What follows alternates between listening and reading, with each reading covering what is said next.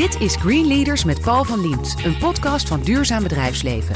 Het businessplatform voor succesvol duurzaam ondernemen. Wekelijks hoor je hier een Green Leader die de economie vernieuwt, verandert en verduurzaamt. Jan-Paul Rutte is directeur van de Limburgse bierbrouwerij Gulpener. Rutte wordt geroemd om de steeds duurzamere koers die hij met Gulpener inzet.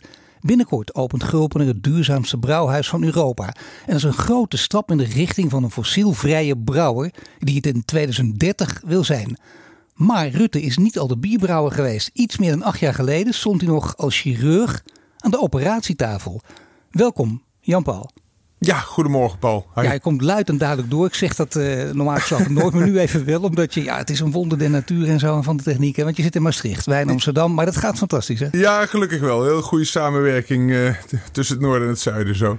Ja, laten we dat voorlopig zo houden. Jij werd uh, chirurg uiteindelijk. Nadat je dacht misschien toch bier brouwen. Want ja, al sinds 1825 was het een familiebedrijf.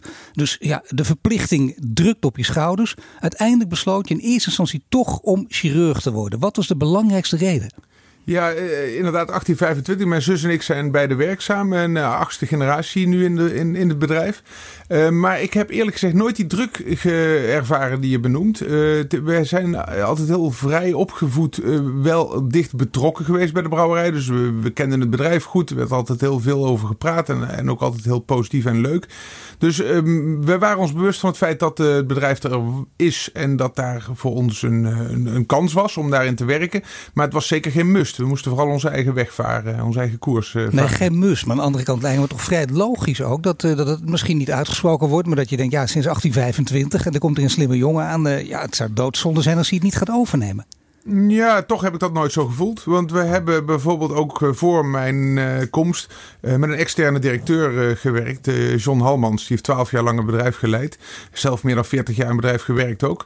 Um, dus voor ons was het niet per se een, een, een wet dat, dat de opvolging ook vanuit de familie moest komen. Dacht jij zelfs van heerlijk, ik ga lekker chirurg worden. Dan ontsnap ik aan die, aan die familie. Ja, ja, misschien ook wel een beetje. Want ik zat inderdaad hier wel opgegroeid in Zuid-Limburg. En ik wilde natuurlijk de wereld wel leren kennen. Dus het was voor mij ook duidelijk dat ik uh, elders ging studeren. Ik heb daar Amsterdam voor gekozen.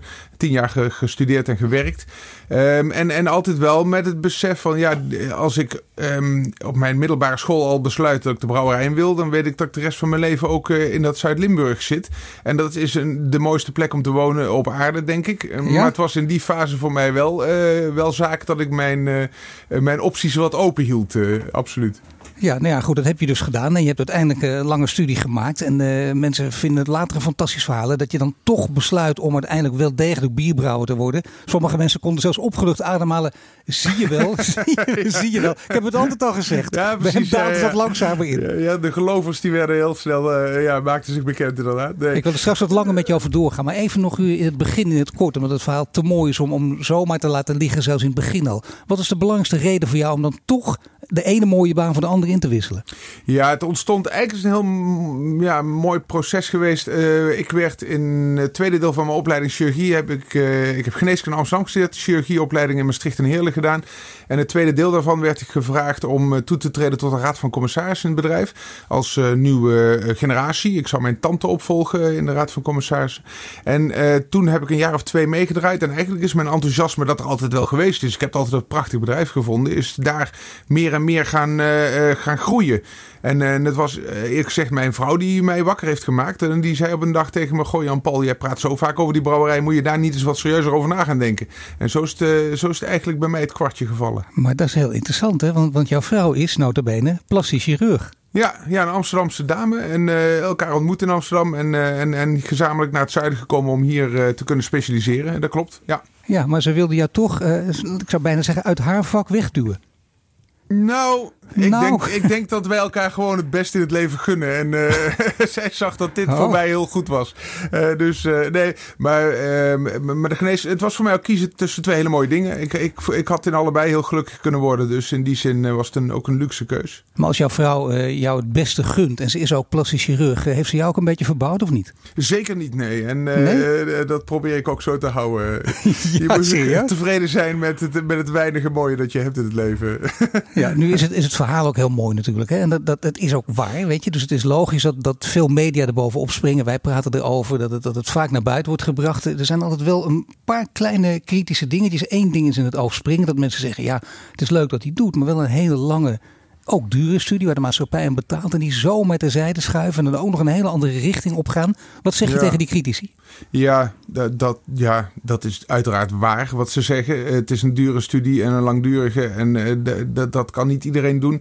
Aan de andere kant, um, uh, die studie heeft mij gemaakt tot wie ik ben. Uh, dus ik heb daar extreem veel geleerd. En, uh, en dat is ook wellicht het, het mens dat nu de brouwerij op een bepaalde manier verder leidt. Um, en we leven in een vrije wereld. Ja, als je als mens toch niet mag kiezen hoe je je leven in wil delen en welk vak je wel of niet wil uitoefenen, dan krijgen we wel een vreemde wereld. Eh, dus eh, nou, daar trek ik me niet zoveel van aan, eerlijk gezegd. Nee, zeker. Het kan nog steeds. Hè. De westerse waarden op dat gebied zijn nog steeds eh, stevig overeind. Dus je kan kiezen wat je wil. Gelukkig ook zeker in ja, jouw geval. Ja, gelukkig wel, ja. Nu is er nog iets. Uh, kijk, het woord duurzaam valt heel vaak. Heel veel mensen gaan het omarmen. Natuurlijk omdat het ook marketingtechnisch goed uit kan komen. Ja. Uh, maar bij jou, bij jullie kun je zeggen dat bewijs de geschiedenis zit het veel dieper. Je probeert nog duurzamer te worden. Maar wat verstaan jullie daar precies onder? Duurzaam bierbrouwen? Ja, bij ons is het eigenlijk jaren negentig ontstaan. Mijn vader die keek toen naar de wereld van de multinationals, waarbij het eigenlijk alleen maar ging om uh, winstmaximalisatie. Uh, stakeholders werden niet naar geluisterd, niet naar gekeken. Milieubelasting was totaal irrelevant. En dat vond hij slecht. vond hij dat hij dat anders moest doen. En hij is toen eigenlijk duurzaamheid gaan, gaan um, beleven op twee manieren. Je, zegt, je hebt de technische duurzaamheid, het milieu zo min mogelijk belasten. Maar je hebt ook de maatschappelijke duurzaamheid. En dat gaat erom welke rol neem je uh, naar je mensen en de regio waarin je zit. En die combinatie heeft ertoe geleid dat hij destijds uh, als eerste ook is gaan uh, ontwikkelen, de, de, de, regionale grondstoffen is gaan ontwikkelen. Dus we hebben een, een coöperatie opgericht met 25 boeren. En tot de dag van vandaag produceren die 100% van onze brouwgerstbehoeften. Dat zijn zo'n 2000 ton per jaar, 450 hectare die ze verbouwen. En hij is in, ik meen 97 ook de eerste hopvelden in Nederland gaan oprichten met de familie Wouters. Eerst een proefveld, want het groeide al 100 jaar niet meer in Nederland. Uh, om te kijken hoe die kwaliteit was, of we daar goed bier mee konden maken. En vervolgens is dat naar 4 hectare uitgebreid. En daarmee hebben we eigenlijk de hop en, en, en de brouwgerst en het water uit eigen regio. En uh, gek genoeg van de 700 brouwerijen hebben we tegenwoordig trouwens in Nederland. Van de 700 brouwerijen zijn we nog steeds de enige die het op die manier doen. Uh. Ja, de enige. Hoe zou dat komen, denk je? Um, um, zijn die anderen zo, zo onverstandig, jullie zo verstandig? Of, of iets? Nee, maar het systeem is ingericht op uh, een internationale uh, inkoopmarkt. Um, en dat is natuurlijk een stuk makkelijker. Want je kunt gewoon een kwaliteitseis neerleggen en zeggen: maakt me niet uit het vandaan komt. Uh, ik wil gewoon die kwaliteit. en je wacht tot de prijs goed is en dan druk je op een knop. Zo zit die, die wereld in elkaar. En regionaliteit is lastiger, want bijvoorbeeld we hebben ieder jaar een andere oogst. Ene voorjaar is, is nat en koud, de andere voorjaar is warm en, en droog. dus die brouwgerst wisselt nogal per jaar. Maar wij zeggen dat is voor ons, dat nemen wij voor lief. Wij willen de gerst uit eigen regio, we vinden dat duurzaam.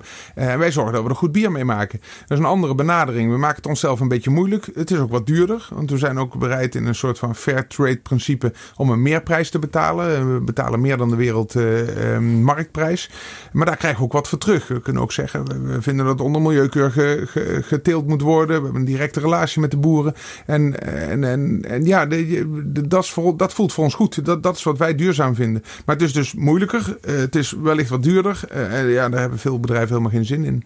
En als je echt alleen maar naar de aandeelhouders zou kijken, laten we zeggen de, de oude theorieën van Milton Friedman zou volgen, dan zou je dit concept van jou niet toepassen, maar overboord gooien. Daar waren we er nooit aan begonnen. Nee, dan was het helemaal niet interessant geweest. Want als, als het om winstmaximalisatie gaat, dan is complexiteit en, en meer betalen voor je grondstoffen een doodzonde. Nou is het mooie dat je dus lokaal hè, al je grondstoffen kunt halen. Daar ben je al behoorlijk uniek in. Duurzaam met, met een grote D mag je zeggen. Maar dat betekent ook dat je een belangrijke, niet alleen lokale, maar ook belangrijke regionale functie hebt. En ik heb een aardig citaatje even van jou, jouw opa Paul dus uh, opgediept. Die zei, Burgemeesters komen en gaan, maar wij blijven altijd bestaan. nou ja, goed, dat is, ja, nou ja, dat is inderdaad waar. Ja. Dat is toch een extra uh, meevalletje. Ja, de, laatste acht generaties hebben we dat kunnen waarmaken. En uh, laten we hopen dat we dat nog lang kunnen volhouden, inderdaad. Maar hij maakte dat echt waar. Je hebt allerlei gebieden. Als ik zie wat hij gedaan heeft in het verenigingsleven, betrokken bij de regio. hij zat in het bestuur van de Harmonie in het Zangkoor, Kamer van Koophandel, de Carnavalsvereniging, niet te vergeten de Kippenvereniging. Dus ja, ja, ja, bedoel, dat is een heel palet. Doe jij er ook nog wat aan, of niet aan al die, al die regionale activiteiten? Ja, wel in mindere mate. maar, maar zeker, ik ben, de, ik ben onder andere zit ik in het erebestuur van de schutterij van mijn dorp. En uh, als er lokale activiteiten betrokken waren uh, of ontstaan, dan, dan zijn we er altijd snel bij betrokken.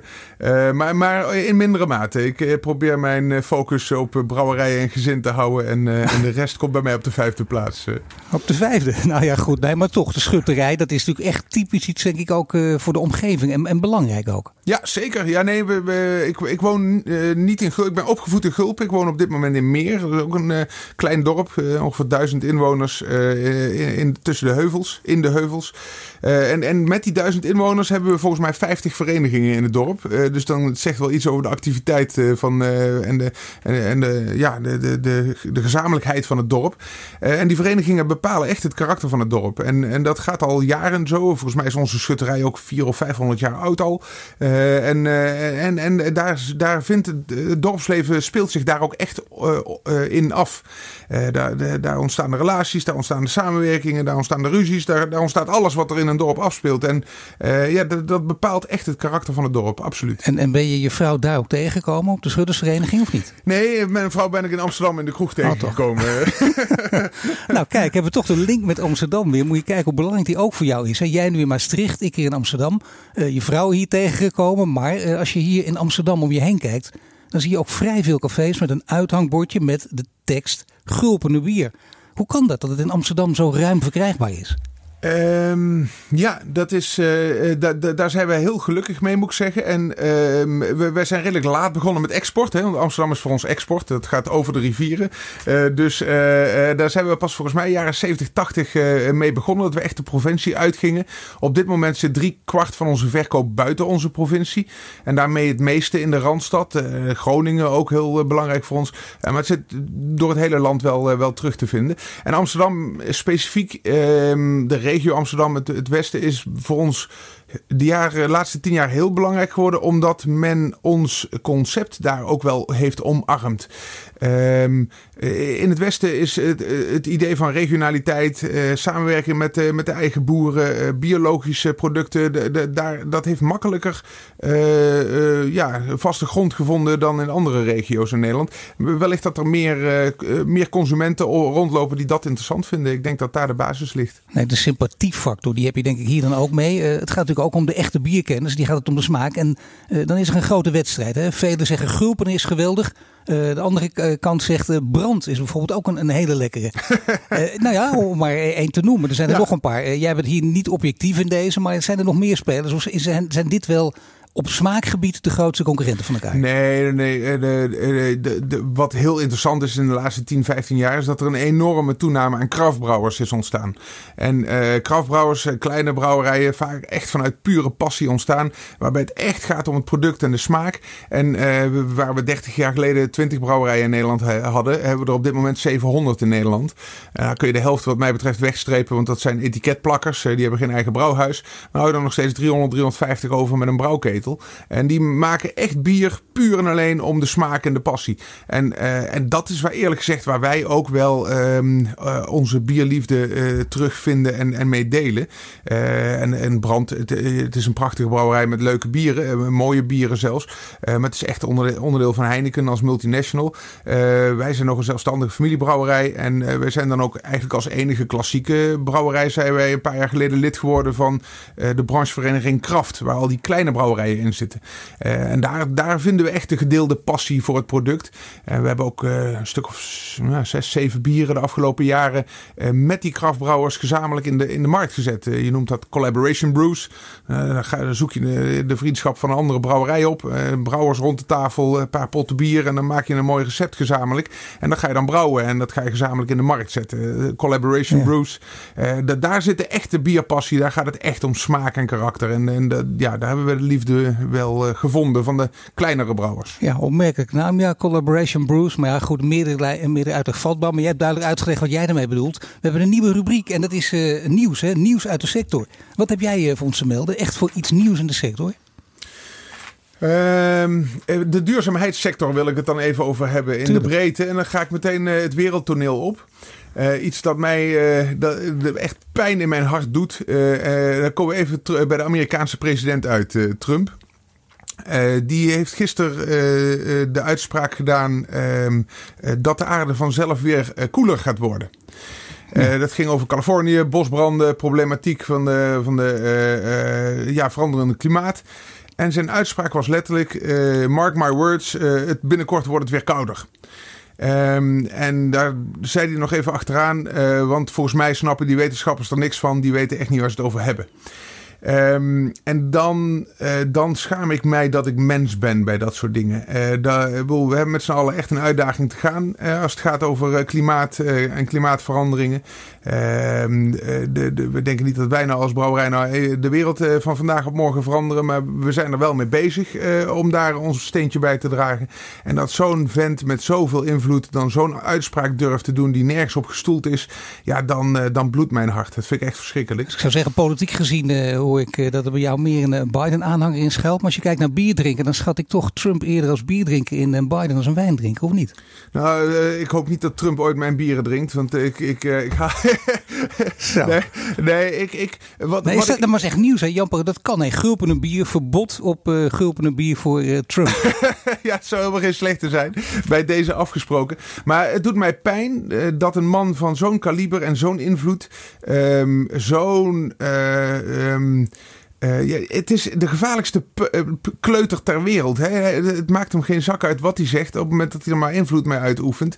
Uh, en de waarheid is voor hem gewoon, bestaat gewoon niet voor hem. En dat vind ik extreem pijnlijk. en dat gaat ons niet helpen in, het, ehm, in, in de slag die we met z'n allen moeten maken in de wereld. Je hoort Jan-Paul Rutte, directeur van Gulpen.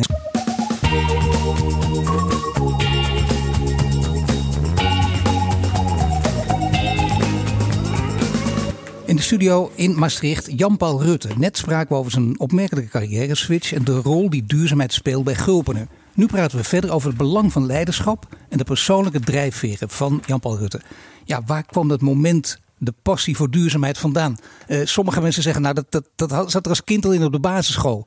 Uh, misschien ietsje later uh, in de brugglas. Misschien nog ietsje later. Het was het bij jou nog later of zat het er zo vroeg al in? Nee, het, het kwam later. Um, en, en in die zin heb ik het ook wel geleerd door mijn vader. Um, even terug in de jaren negentig dat uh, mijn vader vond dat we als bedrijf een andere koers moesten varen. En, en zijn duurzaamheidsconcept met ons ging delen. We waren toen wel net aandeelhouders geworden, mijn generatie. zussen, neven en nichten. en in de, in de jaarvergadering, in de aandeelhoudersvergadering ging hij ons uitleggen wat duurzaamheid was. Over de triple P, uh, dat hij, had hij gehoord. In Engeland was dat uh, in een artikel beschreven, People, Planet, Profit. En wij zaten daar als familie tegenover. En uh, ja, ik zag bij mijn medefamilieleden, uh, ik, zag, ik zag holle ogen en klapperende oren. en we hadden geen flauw idee waar hij het over had. Uh, de, de, vragen waren ook van, ja, god, boel, gaan we dan meer bier verkopen? Daar had mijn vader geen antwoord op. Hij zei, ja, dat weet ik helemaal niet of dat helpt. En nou, wordt het bier dan goedkoper? Nou, daar had hij wel een antwoord op. Nee, het wordt zeker niet goedkoper. Het gaat duurder worden. Dus we vonden dat, dat, dat was eigenlijk mijn eye-opener van een, dat er een andere wereld bestond die wel over milieu en duurzaamheid. Uh, en sindsdien um, ja, ben ik niet alleen mijn vader erin gaan volgen, maar ben ik ook uh, anders uh, gaan, gaan kijken naar dit soort onderwerpen. En ben ik daar meer en meer ingezogen en heeft mij dat wel gegrepen. Nou ja, dat heb je later ook waargemaakt. Hè? Je werd uh, chirurg, maar uh, ook trooparts. Je bent ook uh, in, in bepaalde delen gaan werken, een soort ontwikkelingswerk in zekere zin gedaan, of niet? Ja, klopt. Ja, de troopopleiding heb ik nog in Amsterdam gedaan, in de tijd dat ik mijn vrouw leerde kennen. toen wilden we graag naar de tropen, maar mijn vrouw was een jaar eerder klaar. En die ging toen naar Maastricht voor dat jaar dat ze nog op me moest wachten. En dat eindigde erin dat we in Maastricht allebei gingen specialiseren. Maar daarna zijn we een jaar naar Nepal geweest. klopt, hebben we een ja, vrijwilligerswerk gedaan in een ziekenhuis mogen werken. Nou, uiteindelijk dus, uh, je hebt het eerder verteld, hè, de, de grote switch gemaakt. Uh, terug in de bierbrouwerij, directeur van deze duurzame bierbrouwer geworden. En dan werkzaam dus in dat familiebedrijf. En dat zijn natuurlijk altijd aparte constellaties. Het is een aparte manier van werken. Hoe groot is jullie familiebedrijf? de brouwerij en, en sinds drie jaar hebben we ook een ontvangcentrum. gezamenlijk zitten we daar op een 90 mensen ongeveer. Nou ja, dat is behoorlijk wat. En ook een behoorlijke club om leiding aan te geven. Dan ook nog familiebedrijven dus. Uh, hoe gaat dat in jouw geval? Wat, wat, wat zijn, heb je daar speciale uh, ideeën voor? Heb je een decreet zelfs misschien wel uitgeschreven? Of het net als Netflix het ook doet, hè, met een soort uh, culture deck gaan werken? nee, zover nee. hebben wij niet geschopt. Maar nee, het is wel het formaat en het type bedrijf dat wel helemaal aansluit bij wat ik prettig vind. Want iedereen kent elkaar. Uh, dus het is heel persoonlijk. Uh, je kent elkaars sores, elkaars problemen, elkaars uitdagingen. Uh, en, um, en in die zin ben ik wel iemand die heel erg um, positief, positieve vibe krijgt bij, bij persoonlijke relaties.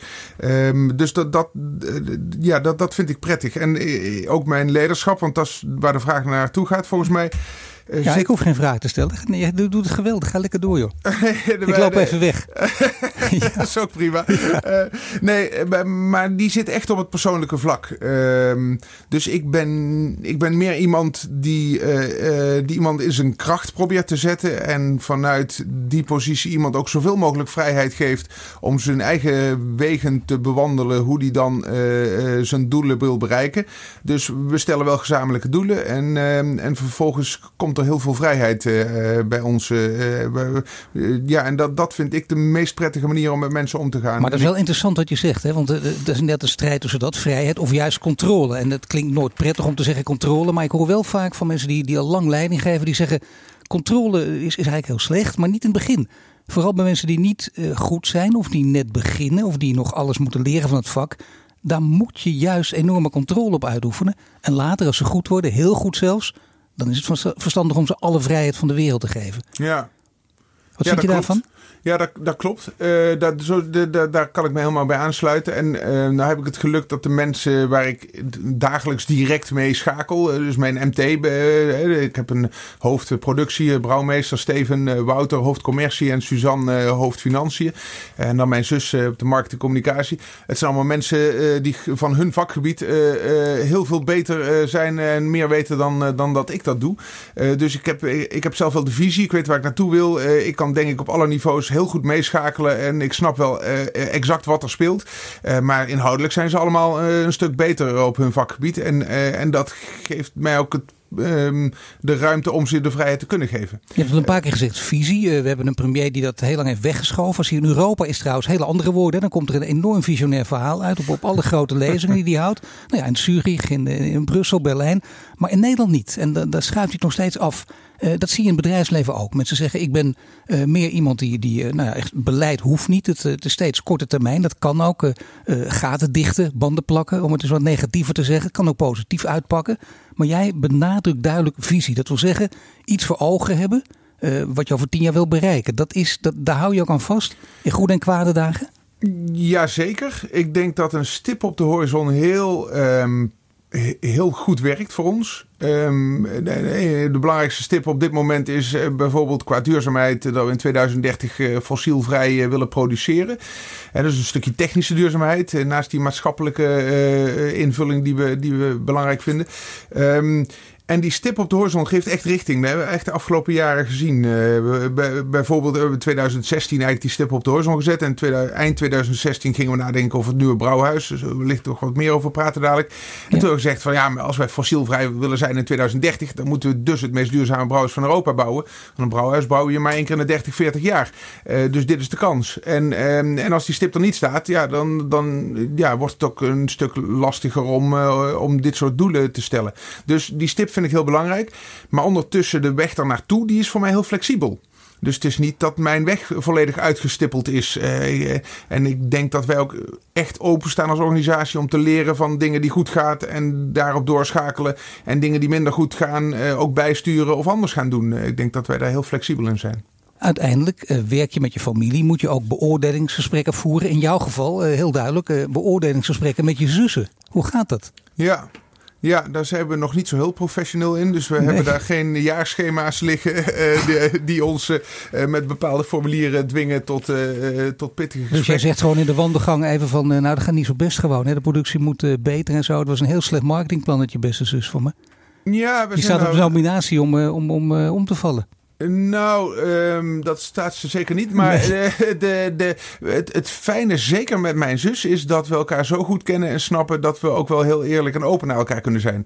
Uh, mijn zus zegt dat ook. Uh, zij zij, zij uh, durft tegen mij veel meer aan te schoppen of veel meer te zeggen dan dat ze bij een andere baas, om het zo maar te noemen, zou hebben. Ook in het openbaar met anderen erbij, want dat maakt toch verschil. Ja, nee, daar schromen we niet voor. Zo, nee. dus even familieruzietje gewoon op de gang. Ik bedoel in, in de goede zin van het woord. Hè? Want je bent als familie dan, als het goed is en je gaat goed met elkaar Ja. om, opener en duidelijker, dan mag er even wat, eh, wat stevige woorden vallen. Ja, dan, mogen we, dan mag wel eens vlammen. Dan mogen we het wel eens eh, niet eens zijn met elkaar. En dat wordt dan zeker eh, uitgesproken. Ja, absoluut. Vallen daar ook onwelgevallige woorden bij of niet? Nee hoor, dat gaat altijd Nee, heel, eh, netjes. heel netjes. ja, dat dacht ik al, ja. Nu is er nog iets. Jouw opa, toch interessante man. Want eh, ja, die heeft ooit ook contact gehad met Freddy Heineken. En eh, toen was eh, jouw bedrijf al een heel interessant bedrijf. Want Heineken die wilde dat overkopen. Of Ja. beter gezegd, eh, de mensen die Heineken zich nog een beetje kunnen herinneren. Ja, als hij iets wil, dan gebeurt het ook. Hè. Gaan, alleen in dit geval niet.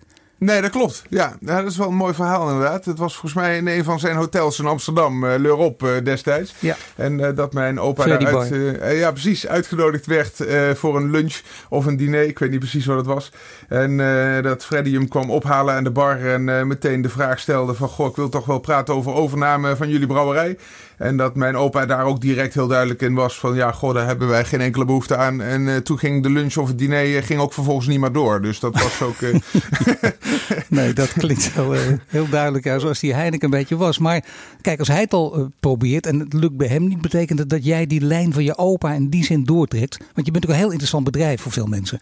En ze zullen af en toe zeker bij je aankloppen. Dan zeg je toch nee, wij zijn niet te koop. Ja, absoluut. Het is voor ons. Kijk, ten eerste, eh, de, de, eh, we hebben een bepaalde ambitie als familie en als bedrijf. En, en die ambities, eh, ja, die kun je verkopen. Dan is de tent verkocht en heb je een zak geld. Ehm, ten eerste ben ik dan mijn baan kwijt. En die is heel leuk, dus die wil ik niet kwijt. Maar vervolgens weet je ook zeker dat de manier waarop wij als bedrijf functioneren en wat wij belangrijk achten, dat dat binnen een paar jaar vervlogen is. Dus ook je ambities verdwijnen daarmee. Dus ja, zolang wij, we stellen ons doel dat wij ons op een gezonde manier naar de volgende generatie willen brengen. Eh, en zolang wij de overtuiging hebben dat we dat kunnen, hebben wij geen enkele behoefte aan verkoop. Je hebt eh, plezier in je werk, je werkt met een strategie, je kijkt graag vooruit, eh, je houdt van visionair leiderschap, je betrekt je medewerkers ook bij, bij je strategie zelfs, bij de duurzame strategie. Ik las in sommige interviews ondertekenen van een verbond met de natuur. Dat doen jullie met z'n allen. Wat, wat is de betekenis daarvan? Ja, dat is iets waar mijn vader mee begonnen is eh, jaren negentig. Toen hij zijn duurzaamheidsfilosofie het bedrijf eh, in, eh, inbracht. Hij heeft toen een jaar de tijd genomen eigenlijk om, eh, om iedereen mee te nemen in dat verhaal. En zijn, eh, zijn visie duidelijk te maken. En, en aan het eind van dat jaar hebben zij dat bekroond met het ondertekenen van onze verbond met de natuur.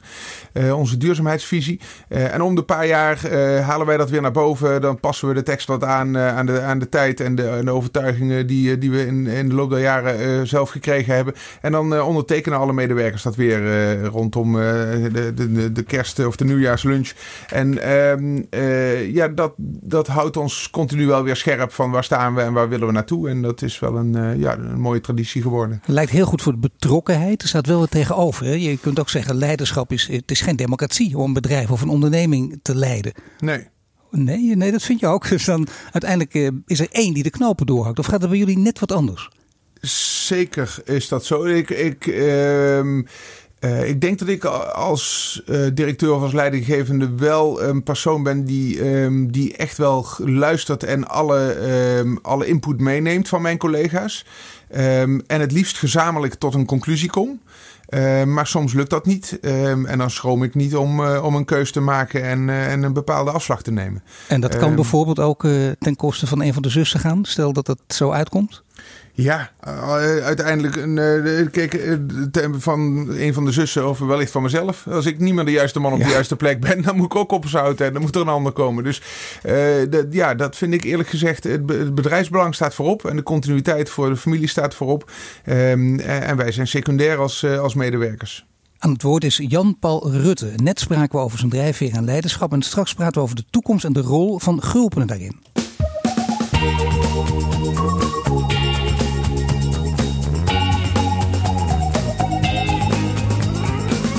In de studio in Maastricht, de directeur van bierbrouwerij Gulpen, Jan-Paul Rutte. Net spraken we over duurzaam leiderschap en nu praten we verder over de toekomst van duurzaamheid.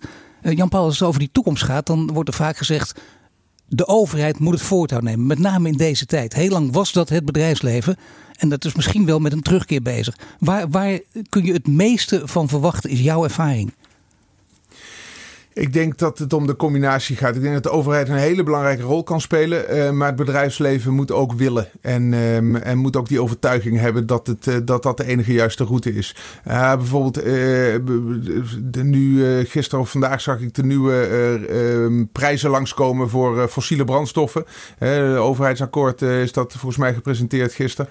Um, ja. En dat is natuurlijk de, de, de, stimulans om als, om als bedrijf keihard door te pakken op het gebied van fossielvrije uh, transitie van fossielvrij naar uh, van, van, fossiel naar fossielvrij, die is niet heel groot. Want aardgas is gewoon een soort van heroïne van de industrie. Het is verschrikkelijk goedkoop. En waarom zou je er vanaf willen? Want je, je, betaalt maar een paar cent. En hoe grotere verbruiker je bent, hoe minder je betaalt. Daar heeft de overheid echt wel nog zijn huiswerk te doen. daar moeten we vanaf. maar moet dat heel snel? Want daar zijn natuurlijk wel verschillende visies op. Je kunt ook zeggen dat moeten we langzaam doen. Dat kan niet zomaar. Die transitie die gaat niet zo snel als sommigen misschien zouden willen. Zou zelfs onverstandig zijn. Ja, dan kijk je naar de grote, de grote industrieën en de Tata Steels eh, van deze wereld. Eh, die daar natuurlijk volledig afhankelijk van zijn. En die dan eh, wellicht niet meer rendabel worden of verdwijnen uit Nederland. Ja, uh, dat klopt. En daar moet je uiteraard slimme afwegingen in maken. En uiteraard moet je je werkgelegenheid op peil houden. Eh, maar als we niet doorpakken op duurzaamheid. Uh, en niet een hele duidelijke stimulans, een hele pittige stimulans geven. om bedrijven zo snel mogelijk van fossiele brandstof af te krijgen. Ja, dan kun je nog, nog twintig jaar doormodderen in deze situatie. En um, ik, ik ben er wel van overtuigd dat we daar wat meer pit mogen tonen. Ja, je had het net over de cijfers die gisteren naar buiten zijn gebracht. Uh, voor de duidelijkheid, wij praten vandaag uh, op de dag na Prinsjesdag uh, met elkaar. En het wordt twee dagen later uitgezonden. Ja. Nu is er nog iets, namelijk, je had het over die korte ketens. de grondstoffen betrekken bij de lokale boeren. Een realistische route voor veel ondernemingen. Daar bedoel ik eigenlijk mee de ondernemingen die zeggen: ik ga liever naar een buitenlands alternatief zoeken. Dat is veel goedkoper. En zeker de corporates vinden dat, maar sommige MKB-bedrijven ook. Of denk jij dat het uiteindelijk voor iedereen een route kan zijn? Dus dat we die globalisering bijna de nek om gaan draaien? Nou, ik, we hoeven niet heiliger te zijn dan de paus. Ik denk dat regionale um, uh, productie van grondstoffen um, een aantal hele duidelijke voordelen heeft. Uh, de belangrijkste voor ons is, je verlaagt je footprint.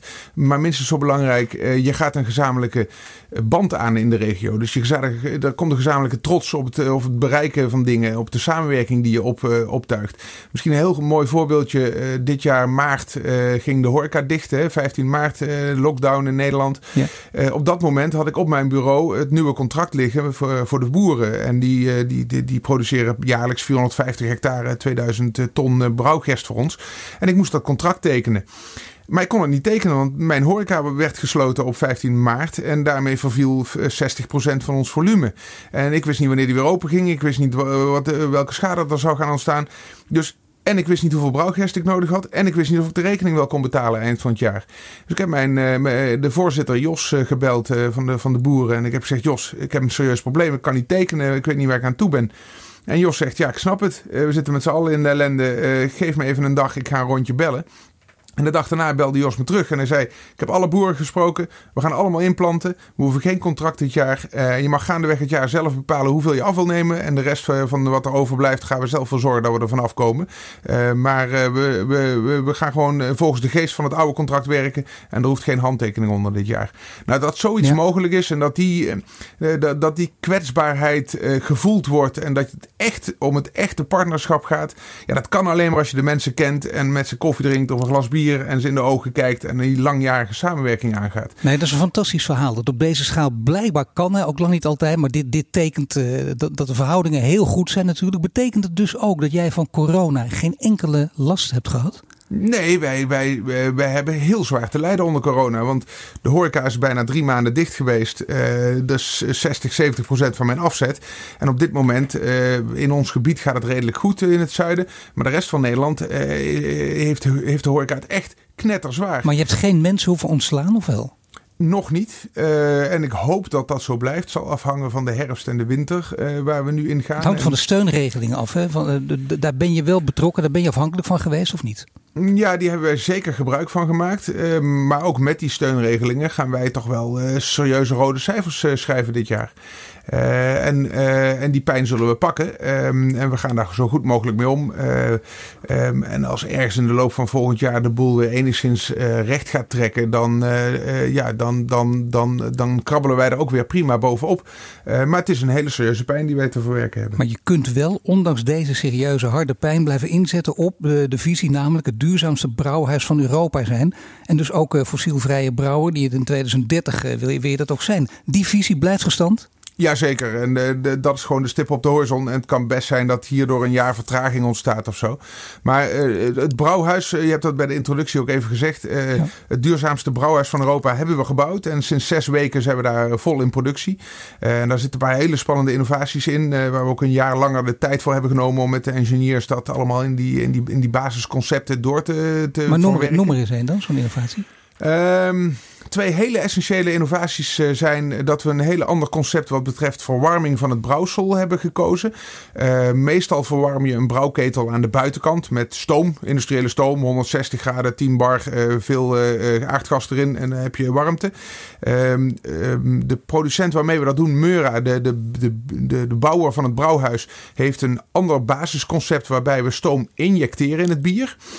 daarmee kun je dat doen met stoom van anderhalve bar en 127 graden. Daar al veel eh, minder energie voor nodig. Maar we hebben ons eigen concept daar nog bijgevoegd. En dat is injectie van heet water. Dus ons brouwsel wordt door zowel heet water als hete stoom ge geïnjecteerd en verwarmd. En het interessante voordeel dat dan gaat ontstaan, eh, moet ik even één stapje terug. Wij willen eh, ons brouwhuis de hitte die nodig is gaan opwekken met een warmtepomp. Die warmtepomp krijgt zijn basiswarmte uit de koelingen van onze brouwerij. En waardeert die koeling eh, van 50 graden, die koelwarmte, weer, uh, waardeert die op naar 130 graden. En dan hebben wij voldoende warmte om ons brouwhuis mee te kunnen verwarmen. Maar dat brouwhuis, dat is een, dat is een, uh, ja, een brouwsel, is een piekbelasting. Een piekmoment dat je heel veel energie nodig hebt. Als je dat alleen maar met stoominjectie moet doen, moet je een hele grote warmtepomp hebben, omdat die op één moment stoom moet maken. Maar door de combinatie die we nu maken van injectie van heet water en hete stoom, kan uh, die warmtepomp op het moment van hittevraag stoom geven. Maar op het moment dat die stilstaat, gaat die voor ons heet water produceren. En dat kunnen we bufferen in een groot buffervat. Dus de warmtevraag ontstaat, dan halen we heet water uit het buffervat en stoom uit de warmtepomp. En daarmee hebben we eigenlijk de piekbelasting van het hele brouwhuis kunnen halveren. En ook innovaties die natuurlijk hard nodig zijn. Dat is sowieso een bedrijvenontwikkeling, innoveren. Je kunt niet zonder, je, je moet zelfs. Daar komen dit soort zaken uit voort. Brouwhuis dat zes weken nu open is. Maar jullie hebben ook een eigen café nog steeds. Althans, toen ik bij je was, een aantal jaar geleden, was het ook open. En jullie leveren ook aan de cafés in de omgeving. En toen ging het ook wel een beetje over de vraag: ben je dan geen concurrent van, van de cafés waar je aan levert? Hoe hebben jullie dat opgelost? Wil ik zeker beantwoorden, maar misschien heel kort even terugkomen over het brouwhuis. Eén innovatie heb ik genoemd. De tweede innovatie is dat we een techniek hebben geïnstalleerd die het koken vervangt. Daarmee zijn we het eerste speciaalbier brouwhuis ter wereld waar we niet gaan koken. Uh, en die combinatie van uh, innovaties zorgt voor 75% minder energieverbruik ten opzichte van uh, de oude situatie. en dan in fase 2 de warmtepomp en dan hebben we het brouwhuis volledig fossielvrij. En wanneer gaat dat gebeuren? Dat is echt 2030. Nee, die warmtepomp stond eigenlijk eind 2020 gepland, 2021. Uh, wordt nu door corona. We gaan afwachten hoe de herfst en de winter verloopt. En dan hopen we daarna een redelijke planning te kunnen maken wanneer we het wel gaan doen. Maar we hopen dat dat eigenlijk op niet al te lange termijn gaat lukken. Nou, ik vind dat je, je bent wel, wel positief. Hè. Dat moet ook natuurlijk. Al hooguit een jaartje verschil. Je moet er niet aan denken. Nog een nieuwe lockdown, dat kan gewoon niet. Dat kun je niet aan. Um, dan, uh, dan krijgen wij een, een, hele lastige fase waar we in terechtkomen. En dan, uh, dan, gaat, het, uh, dan gaat het serieus pijn doen, absoluut. Ja. Maar dat geldt voor bijna alle prachtige bedrijven, eerder gezegd. Hè? die ook aan de top staan in de horeca, in, in de cultuursector. Dat is bijna te gek. Dat kun je dus niet voorstellen. Dan zal het toch een, een ander soort tegenactie moeten komen. Maar dat is een ander moment om over te praten. Zeker, nu jouw innovaties en, en, dan, en dan vervolgens de plek van je café. Ja. want je, je hebt zelf een café en je levert ook aan omringende cafés in de regio je eigen bier. Ja. Hoe heb je dat opgelost dus? Ja, drieënhalf jaar geleden een ontvangcentrum geopend. Dat is heel divers. Daar kun je, daar zit een microbrouwerij en kun je eigen bier brouwen met onze brouwmeester, met een groep vrienden. Daar, daar zit lunch, diner, rondleidingen, een winkel, de vergaderzalen. Er is van alles te beleven. een hele mooie biergarten. Ehm, en dat hebben we drieënhalf jaar geleden inderdaad geopend in het, een van de oudste delen van de brouwerij. En dat is midden in ons dorp. En daar zitten onder andere ook nog een, een 10, 20 andere kroegen en restaurants waar, waar onze bieren worden geschonken.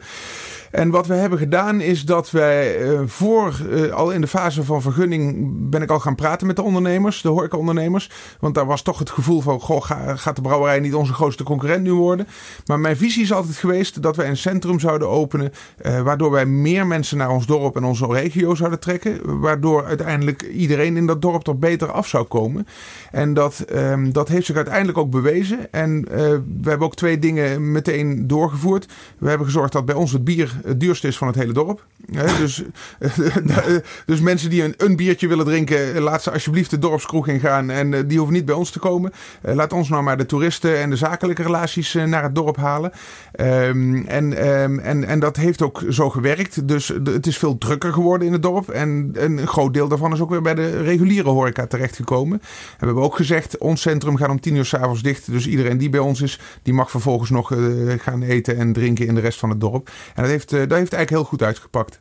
Jan-Paul, ik, heb, eh, ik moet deze vraag toch even je stellen, want het doet me denken aan de gesprek die ik ooit voerde met een eh, gedreven directeur van een broodbakkerij. En toen vroeg ik aan hem, uh, wat vind ik het lekkerste? En toen zegt hij nou, privé heb ik liever havermoutpap. en, nou ja, dat, dat, dat tot mijn verbazing, maar dat kan natuurlijk, dat is eerlijk. Maar ben jij ook de man die, die heel gedreven met bier bezig is, maar thuis liever wijn drinkt? Nee, nee, ik ben, ik ben een echte. Ik, ik schroom een, een, glas wijn niet hoor. Dat vind ik heerlijk bij, bij een goed diner. Maar uh, ik, uh, ik ben een echte bierdrinker. En, uh, en, en, en zeker binnen de bieren die wij maken. ja, ik heb eigenlijk twee favorieten. dat is de Chateau Neuburg. Dat is eigenlijk ons hele chique pils. In een blauw flesje zit die. En daar hebben we drie jaar op rij beste pils van Nederland mee gewonnen. Dat is echt een heel mooi, krachtig bier met een hele stevige hopping. echt smaakvol. Dus niet te vergelijken met de waterige pilsjes die je normaal in de aanbieding in de krab tegenkomt. Um, en de tweede is oerhop. En oerhop is een biologisch bier. En is eigenlijk onze IPA. En het is een heel mooi gedry-hopped bier. Een hele stevige, vol, smaakvol bier met een hele uh, mooie bittertonen zitten erin. Maar heel goed doordrinkbaar ook. En ja, goed doordrinkbaar. Dus dat wou ik net zeggen. Het hoeft niet per se met mate. Uh, het is alcohol en daar moet je wel verstandig mee omgaan. Laten we dat voorop stellen. Dus uh, misbruik, uh, daar staan wij zeker niet nee, voor. Nee, dat is, maar twee of drie biertjes op een dag is helemaal niks mis mee. Dankjewel, Jan-Paul Rutte, directeur van bierbrouwerij Gulpenen. Je luisterde naar een podcast van Duurzaam Bedrijfsleven. Mede mogelijk gemaakt door onze partners Ebbingen en Hill en Nolten. Volgende week zijn we terug met een nieuwe Green Leader. Dit was de Green Leaders podcast voor deze week. Volg onze website voor meer nieuws over succesvol duurzaam ondernemen.